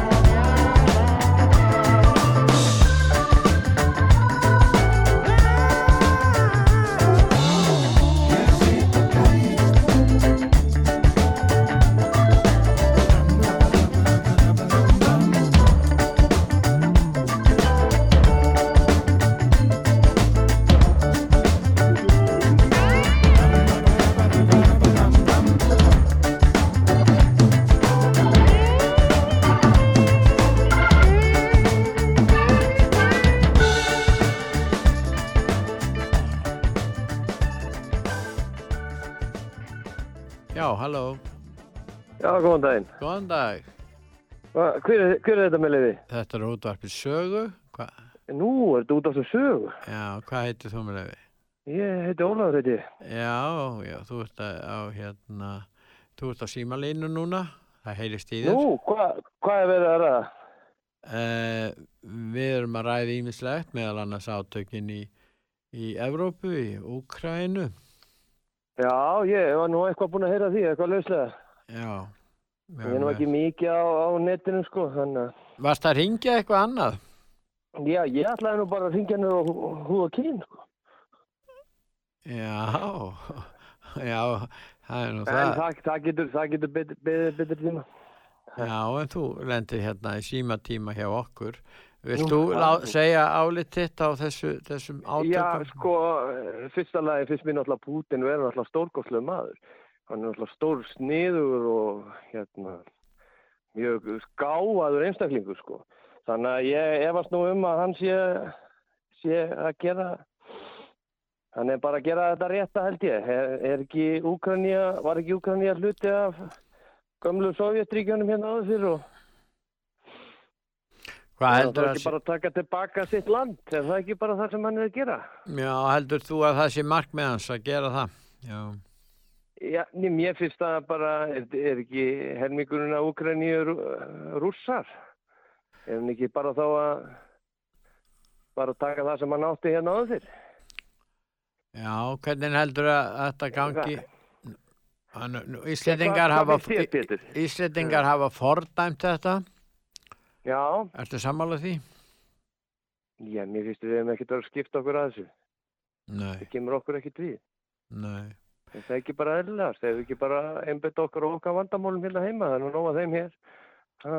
Já, ég held að eh, sko ef hann hefði afskipt af þessu að þá myndi hann halda sig við þessi austurhéruð þar sem að þau lísti yfir sjálfstæði og hann stutti það en hann er Já. farin út fyrir það svæði nú er hann komin inn þannig að, að þetta mál er orðið mjög alvarlegt fyrir uh, rússa á alþjóða vettvangi því að eh, nú ætla Vesturlönd að eh, beita mjög ströngum refsaðgerðum gagvart rússum þannig að þetta verður mikill fórnarkostnaði samferða þessum afskiptum tú Putin. Já, ég, nú, nú þekk ég nú nokkra pólverja Já. og ekki kannski nokkra, ég þekki nú all, all flest örgla. Já. En hérna, þeir segja mig það og tala mikið um það að, að sko, þeir vilja líka Úkraníu, sko. Já. Þeir segja sko að hluti af Úkraníu hafi nú einhvern tíma verið Póland og þar Já. Sé úkraníska tungumálið, það er í rauninni hálf pólska og hálf rúsneska, einhvers konar blanda Já. þarna á milli, þannig að þeir eh, hugsanlega vilja þá kannski landsvæði þannig Úkraníu líka á móti rússum, sko. Það er, Já. það er sko, pólverðinni tala mikið um það. Nú geta þeir kannski endur heimta eitthvað að sínum löndum þannig líka, sko. Já, skipta bara er- Úkrænu á milli rússa og, og pólverja. Já, pólverja. Já. En þá er rússin tekur það náttúrulega aldrei í mána því að náttúrulega pólverður er í NATO, sko. Já, rétt, það er nú það sko. Já, það er nú aðteklisvert. En þetta er það sem eh, mínir pólsku félagar eh, hafa verið að tala um. Og vilja þeir að eh, hluti af Úkrænu muni heim, verði hægt að tengja við, tengjast við Póland? Já, það, það, er- þeir segja það að öll þessi, þessi vestur hér í, í Úkræni sé svo pólsk, það er svo mikið pólskumælandi fólki þar líka. Já, marg, Og öfugt svo hinum einn. margir mm. Úkrænumenn hafa vinna í Pólandi og flóttamennir Já. streyma til Pólans núna. Já, það, það finnst mér bara ekkert skvítið, sko. Nei, nei, nei. Þannig að þetta er kannski bara á alla fulla rétt á sér, þetta. Og pólverjarnir hafðu áhrif í Kvítarúslandi líka eftir þessar kostingar sem hafa mótmælt þarna. Já, sínum tíma akkurat. þar voru pólverjar framalega og Litáen sem eru nú svona bandamenn pólverja líka. Já. Þetta var eitt ríki hér áður fyrir að það er nú svolítið land síðan, stort ríki í Evrópu, Póland, Litáen og, og Úkræna. Þetta var svona eitt, eitt öflugasta stóra ríkið í Evrópu en það er nú orðið svolítið land síðan. Kannski menn pólverjarnir vilja endur vekja þetta Ég- gamla er það ríki. ekki bara sniðt? Er það ekki bara sniðt? Eða rússar og pólverður ekki bara spjalla sín á milli bara og skipta svo á milli sín? Já, Ah. það hefur nú verið, verið Þetta er bara svona einu galin hugmynd frá þessum pólverum, sko. já. Þeir, þeir eru nú svolítið rugglaði líka. Erðu, ég þakka þið fyrir að ringja til okkar. Já, herru, takk sem leiðis, gaman, gaman að spila þig. Hvað gengur vonandi vel hjá þér að finna hér rétta númer, símanúmer? Já, já, ég, lítur að gefa mig villust númeran upp á spítala. Þannig það. þú nærið ekki í, í það fólk sem þú ert að allar ringi, þá bara ringir útvarsögu. Ég geri það. Gjörðu svo vel, Nú, takk hjá þér, ég ringi bara ef að eitthvað liggur. 5, fyrir 8, þetta. 8, 19, 94, gjörðu svo vel, blessaður. Takk vinnur, blessaður.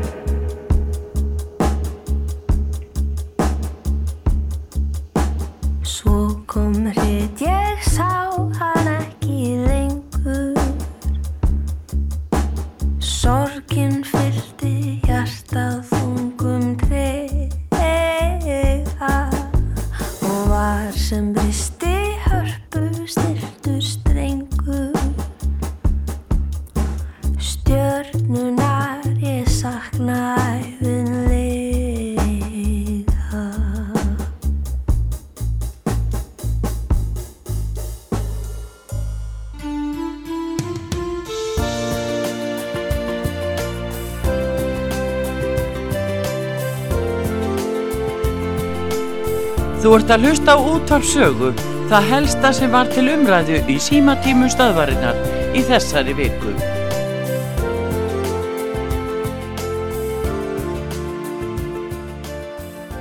Góðir eh, hlustendur, þið er að hlusta á útvart sögu, ég heiti Pétur Gunnlaugsson og útvarstjórin Artúr Karlsdóttir, hún er mætt.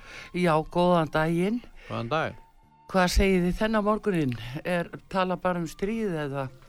Já, það er nú svona eins og sem Þetta er minnast á náttúrulega það. það sem fólk er að tala um núna og þetta graf alvarlegt mál og núna svona nýjustu fréttir eru þær að rússarnir eru komnir inn í kýð, inn í kænugarð og þeir eru búin að yfirtaka allt eh, vatn þar að segja öll eh, hérna vassból og Já. annað slíkt, já. þannig að þetta er sko þessu er nú bara eiginlega að ljúka þeir rússarnir eru að yfirtaka allt annað meira að minna Og hvað ætlaði að halda þessu lengi? Er Mm, einhverjar hugmyndir um það sem hafa heist? Nei, ekki sem hafa heyrst ennþá þannig að eh, þetta svona fer nú að skýrast hvað á hverju en þetta er auðvitað gríðalegu munur þarna á mannabla Úkrænumennir eru fáir og það var kallaður út almenni borgarar bennir að, að gefa sig fram uh, til þess að, uh, sinna hérna, björgunar og varnastörfum þetta er þetta er eiginlega bara ekki hægt. Það er bara ekki hægt að horfa á það. Þetta er svo ömulegt Já, það er lítil mótstað. engin, eða mjög lítil núna munur næst svo gríðalegur og rússarnir eru komnir í vopnabyrðirna sem að, að bandaríkjamenn eða Biden sendi úkrænumönnum nú eru rússarnir komnir í vopnabyrðirna líka frá Breitlandi Þannig að vopnin verða bara í þeirra fórum. já. Þannig að þetta þegar er- verið að senda vopn til áttu þá er nokkur að tíman að senda- það. Var mesta flónska sem til var í þessu máli og uh, að efna svona til ófriðar óbeint með þeim hætti. En þetta er auðvitað bara einn sorgasaga allt saman og, og, og, hvað afleggingar sem þetta á eftir að hafa. Nú uh, við sjáum að menn keppast bara við að lýsa yfir refsi aðgerðum. Það er eiginlega það sem er það eina sem kemst að, að hvernig ég refsa þeim. Og, og tekur eftir þessu svona utaríkisáþarar og, og, og fórsættisáþarar ímissa landa standa fram og þá er að snýst allt um refsi aðgerðir en maður heyrir ekkert af því að þeir reynir svo mikið sem sko eitt örlítið að koma með hugmyndir um lausnir. Hvar er NATO með lausninar akkur ekki einhver meiri vilji að reyna að leysa þetta og náttúrulega á fyrri stegum að sjálfsögðu en að reyna að leysa þetta núna og stoppa þetta allt saman. Því þetta er ekkit annað en bara En verið- drápsvélar sem eru í gangi. Já, þetta ef þeir hefðu samið um hlutleysi Úkrænu, alveg eins og við höfum hlutleysi Östuríkis, það var samþýtt á sinni tíma Já, já. vissulega Þannig að, að það er spurning um það hvort að það hefur verið gert en, en uh, það hefur verið hægt að koma kannski vekk fyrir þetta með þeim hætti, ég veit ekki. Já, mér finnst NATO og, og, og, og, sko, sérstaklega hefur nú bandarækja fósiti, hann hefur nú verið mjög uh, sko æstur í þessu öllu og æst þetta mjög upp og Boris Jónsson náttúrulega líka, þeir hafa verið mjög ábyrjandi og, hafa verið mjög leiðandi í því að senda allan, allan þennan herbúnað uh, inn til Úkrænu sem þeir betur hefðu ekki gert. Og uh, og síðan snýst þetta um sko refsi aðgerði strax Boris Jónsson í gæri það var að loka á uh, alla uh, flugsamgöngur við Aeroflot. Og núna rússarnir komið morgun og þá lokuður all, alla flugumferð inn í já. British Airways og, og fleiri vela allloka þannig að þetta er svo mikið kjánaskapur sko. Þe- þetta hefur ekkert upp á sig nema þetta bitnar á saklusu fólki og það er það sem er að gerast.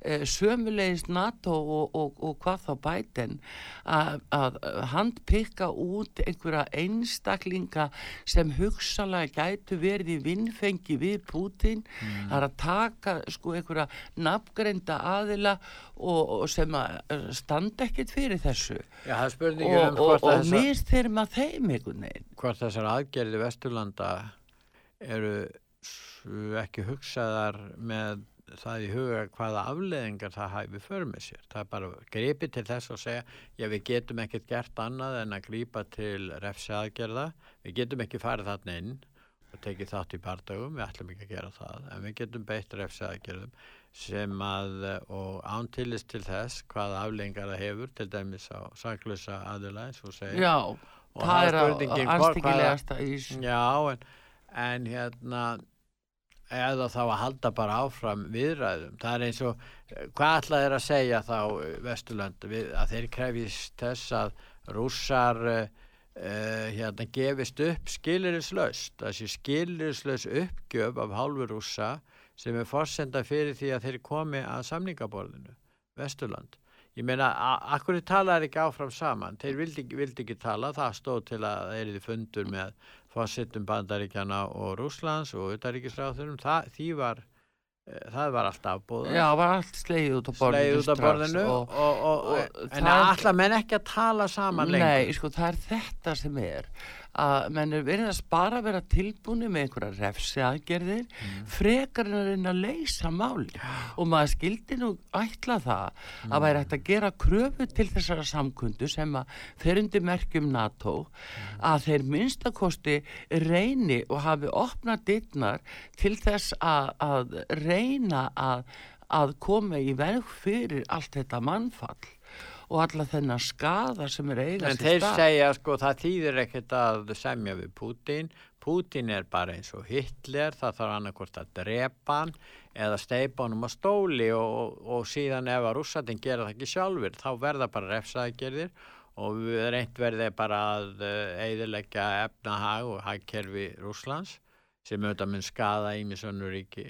Þetta er eiginlega við þá. Já, þetta er bara, þetta er einhvern veginn svo vola barslegt eitthvað, eða lítur þannig Já, út, ég veit ekki hvað að kalla það. E- eins og núna að, jú, bætin er að tala um að það þurfa að láta hakka allt stjórnkerfið, allar tölvurnar í stjórnkerfi Rústlands að fá anonýmus til að, að hakka. Sko, á hvað, á hvað stíi er þetta fólk sem að við hinn öll og allur heimurinn verður að reyða sig á sína leiðtoga. En hafa er engar hugmyndur um lausnir annað en refsi aðgerðir hafa er engar hugmyndir? Og ég ætla bara að fá að segja það að minna á það að hér fyrir einu þremur árum já, þegar Donald Trump var fórseti bandaríkjara sem má nú víst helst ekki minnast á. Nei. en þá ætlaði allt vittlust að verða vegna þess að hann var að tala yfir hausamótunum á forraðamönnum NATO. Og hann myndi þetta fólk á það bara hvað NATO væri og hvað hlutverkið það gengdi og var náða samlegast að byggja það bara að greiða í NATO og, og, og halda þessu þá gangandi ef annar borða ætti að vera gangandi og manstu hvernig viðbröðum voru?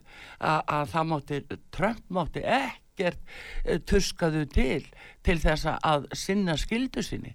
Enda sérðu núna, hvað væri NATO í dag ef að Trump hefði ekki, lít- ekki gert þetta? Og fyrir utan það að máttleysi þeirra og úræðaleysi er ekki, þetta er bara orðið klúpur og sjáðu til að þarna síðasta lögata fyrir viku sem var mjög öllaða rík rástefna á í München í Þískalandi þar sem að eh, þessi leittóar voru að mæta þar mæti Selenski fórseti Úkrænu og tilkynir það að hann ætla að setja upp kjarnorkuver. Og hvað gerði salurinn? Hvað gerði nú allir þessi merkilegu leitóar þau klöppuðu fyrir því. Þau klöppuðu fyrir því að hann ætlaði að eh, koma sér upp uh, kjarnorkuvopnum. Þetta var nú samkundan. Þetta var friðarviljin og þetta er sama fólkið og, og argar núna út um alla koppagrundir. Já við ætlum bara en tilbúið með refsi aðgerðir Já, en, sko það sem hefur gerst á Vesturlandum og annað eins. Mm, það sem hefur gerst á Vesturlandum þá er það að um, Evrópusambandið og Vesturland hafa ekkert verið að byggja upp neitt varnar búnað fyrir sig. Nei, nei. það hefur ekkert verið hugað að öryggismálum Evrópu það sem menn hafa treyst er hernaðamátt bandaríkjana það meira þess að bandarískur her í Þískalandi til að verja Þískaland þjóðverðir er ekki að verja sig og legg ekki fjármunni nema tiltóluleg að við sem þú segir fyrirverandi fósiti gerðu þá kröfu og þeir legðu meira af mörgum sjálfur Já, í staðan fyrir að láta bandaríkin fjármagna þennan.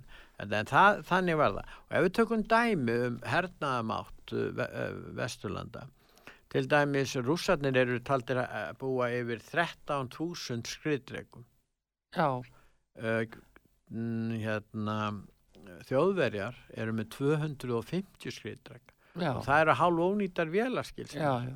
Uh, nú, frakkarnir eru kannski með svipað uh, marga og, og, og, og, breytarnir með kannski með 200. Já. Það er að segja, sko, það þýðir það einfallega að eh, ef að ekki hérna væri fyrir, ef það væri ekki vörd sem fölst í, í kjarnorkuvopnum sem að bæði frakkar og, og breytar búa yfir, ef það væri ekki til staðar, nú þá gætu þeir ekki varist árás frá Rúslandi Nei, nei. á landi, það væri ekki hægt og, og hvað ætlast þeir þá til?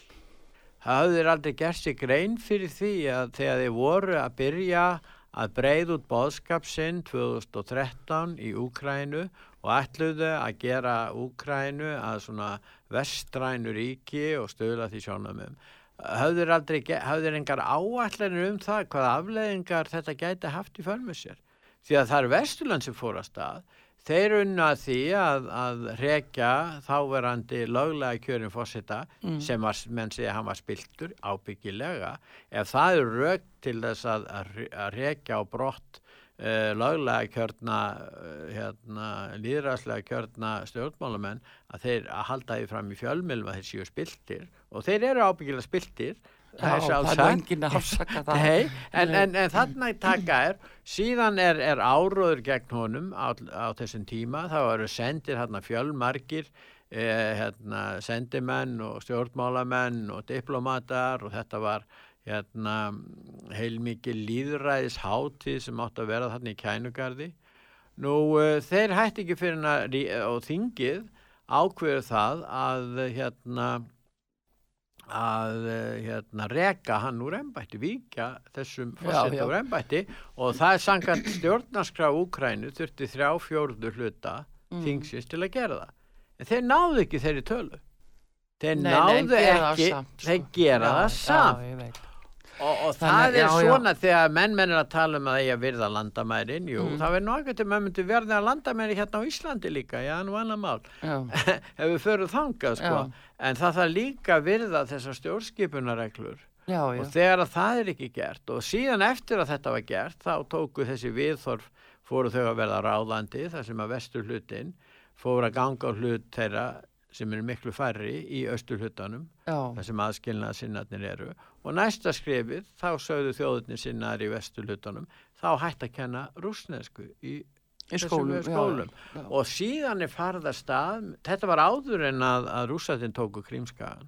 Já. En ef þú hlustar á núna stjórnmálamenn þá segja rússar höfðu þetta alltaf á hérna í áætlun að gera þetta Já. hjá sér Já. og þeir tóku hérna Putin tekur Krimskagan 2014 og uh, það hafði ekki verið neitt undanfæra því. Þannig er þessu stilt upp í raun og Mm. veru og svo segja menn núna að menn styðji Putin og innrás rússa sérstaklega með því að fallast ekki á öllu þau sjónamið sem að bandaríkjastjórn leggur frá núna og sumt af því er bennis ráð. Mm, Já, hitt enn að mála að, hérna, að það er hvergi hægt að tala fyrir því að, að uh, menn brjóti alþjóðalög og, og, og ekki heldur stjórnarskrá og stjórnskipun. Þetta er náttúrulega bara lögleisa og, og, komið út í vitleysu og vest þykir manni náttúrulega að horfa upp á að þennan ófrið sem að eh, er fyrirsjáanlegur eh, í kringum þetta allt saman og það bitna svo á saklusu fólki. Og eins og fólki í Úkræni núna almenni borgarar, þetta er bara það er bara ekki hægt að verða að þessu. Þetta er svo ömuleg En það líka en það líka af því að við erum með svo lélega fórustumenn eins og innan NATO. Þetta er að verða eins og kampavísklúpur og uh, fólk er ábyrðalaust og núna rópar það bara refsi aðgerir og ég sakna þess að Donald Trump sé ekki þarna við stjórnulinni í bandaríkjum núna þetta hefði ekki gerst á hans vakt það er alveg á reynu hann hefur verið búin að sjatla málin við Putin og, og, og fleiri En auðvitað ekki stefna Vesturlanda hefur verið á þessari bara missefni í raun og veru. Byrjaði með George Bush stjórninni. Já, já. Og hérna, og svo líka annað, þeir eru búin að tala lengi um það að, að það, ver, hef, það er því ráðist inn í, inn í Úkrænu. Akkur voru þeir ekki búinir þá bara að styðja stöðu Úkræns Úkrænu og hersins og áður. Þeir eru núna að senda vopn.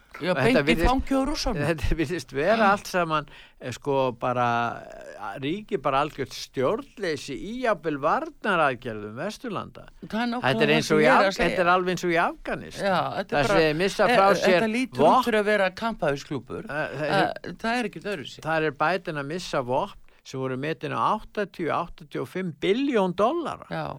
Við vorum að tala um verulega hérna, verðmæta vopn, verðmætt vopnabúr sem þið skildu Já. eftir og hérna það virðist ekki vera neins stjórn hérna hjá þessu fólki. Nei, nei, svo er bara að hann pikkaður út einstaklinga sem á að refsa sárasakis Já, svo að fara í refsaðgerð. Það er alveg Og þá galið. Þá koma bankarnir Alveg- til, stóru já, bankarnir já. Og það var sagt, ég lokum á alla banka sem russar eiga í eða hafa viðskipti Já, og við. ákveðnir einstaklinga, þeir eru að já. einstaklinga. Já, já. Þetta, er, uh, þetta er kannski uh, En það, vonandi- það sem koma að skala á öðrum sviðum, það skal ósagt látið. En mér er ekki lifandi skelvingar er þetta ófaglegt og, og, uh, og þetta er svona, ég veit það ekki Pétur, þetta er bara mikil vonbriði að sé ekki meira lausna með að fólk sem að stýri það Og þetta er fólkið sem átt að semja við Úkrænumenn, Já. semja við rússana. En ég meina... að allir vindu farin úr þeim. Hafa hann einhvern tíma verið. Já, það. þannig. en uh, takk fyrir þetta í bíli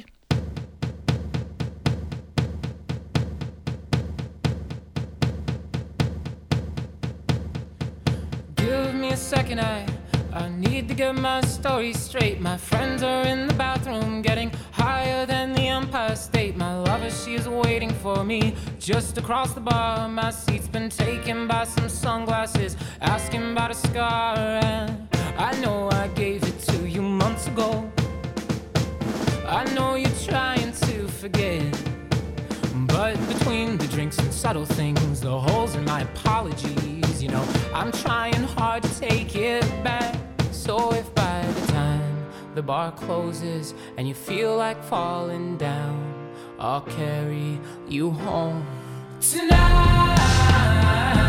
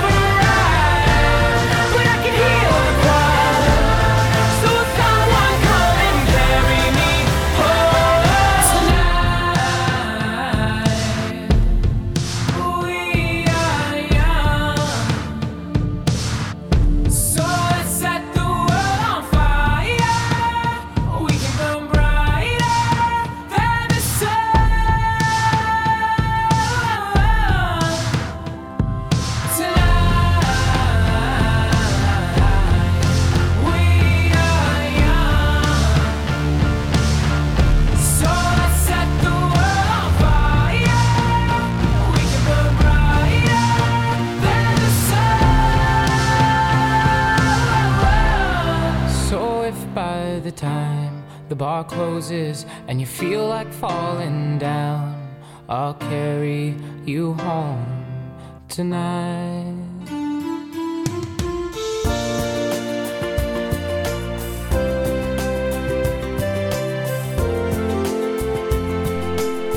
Þú ert að hlusta á útvarp sögu, það helsta sem var til umræðu í símatímum stöðvarinnar í þessari viku.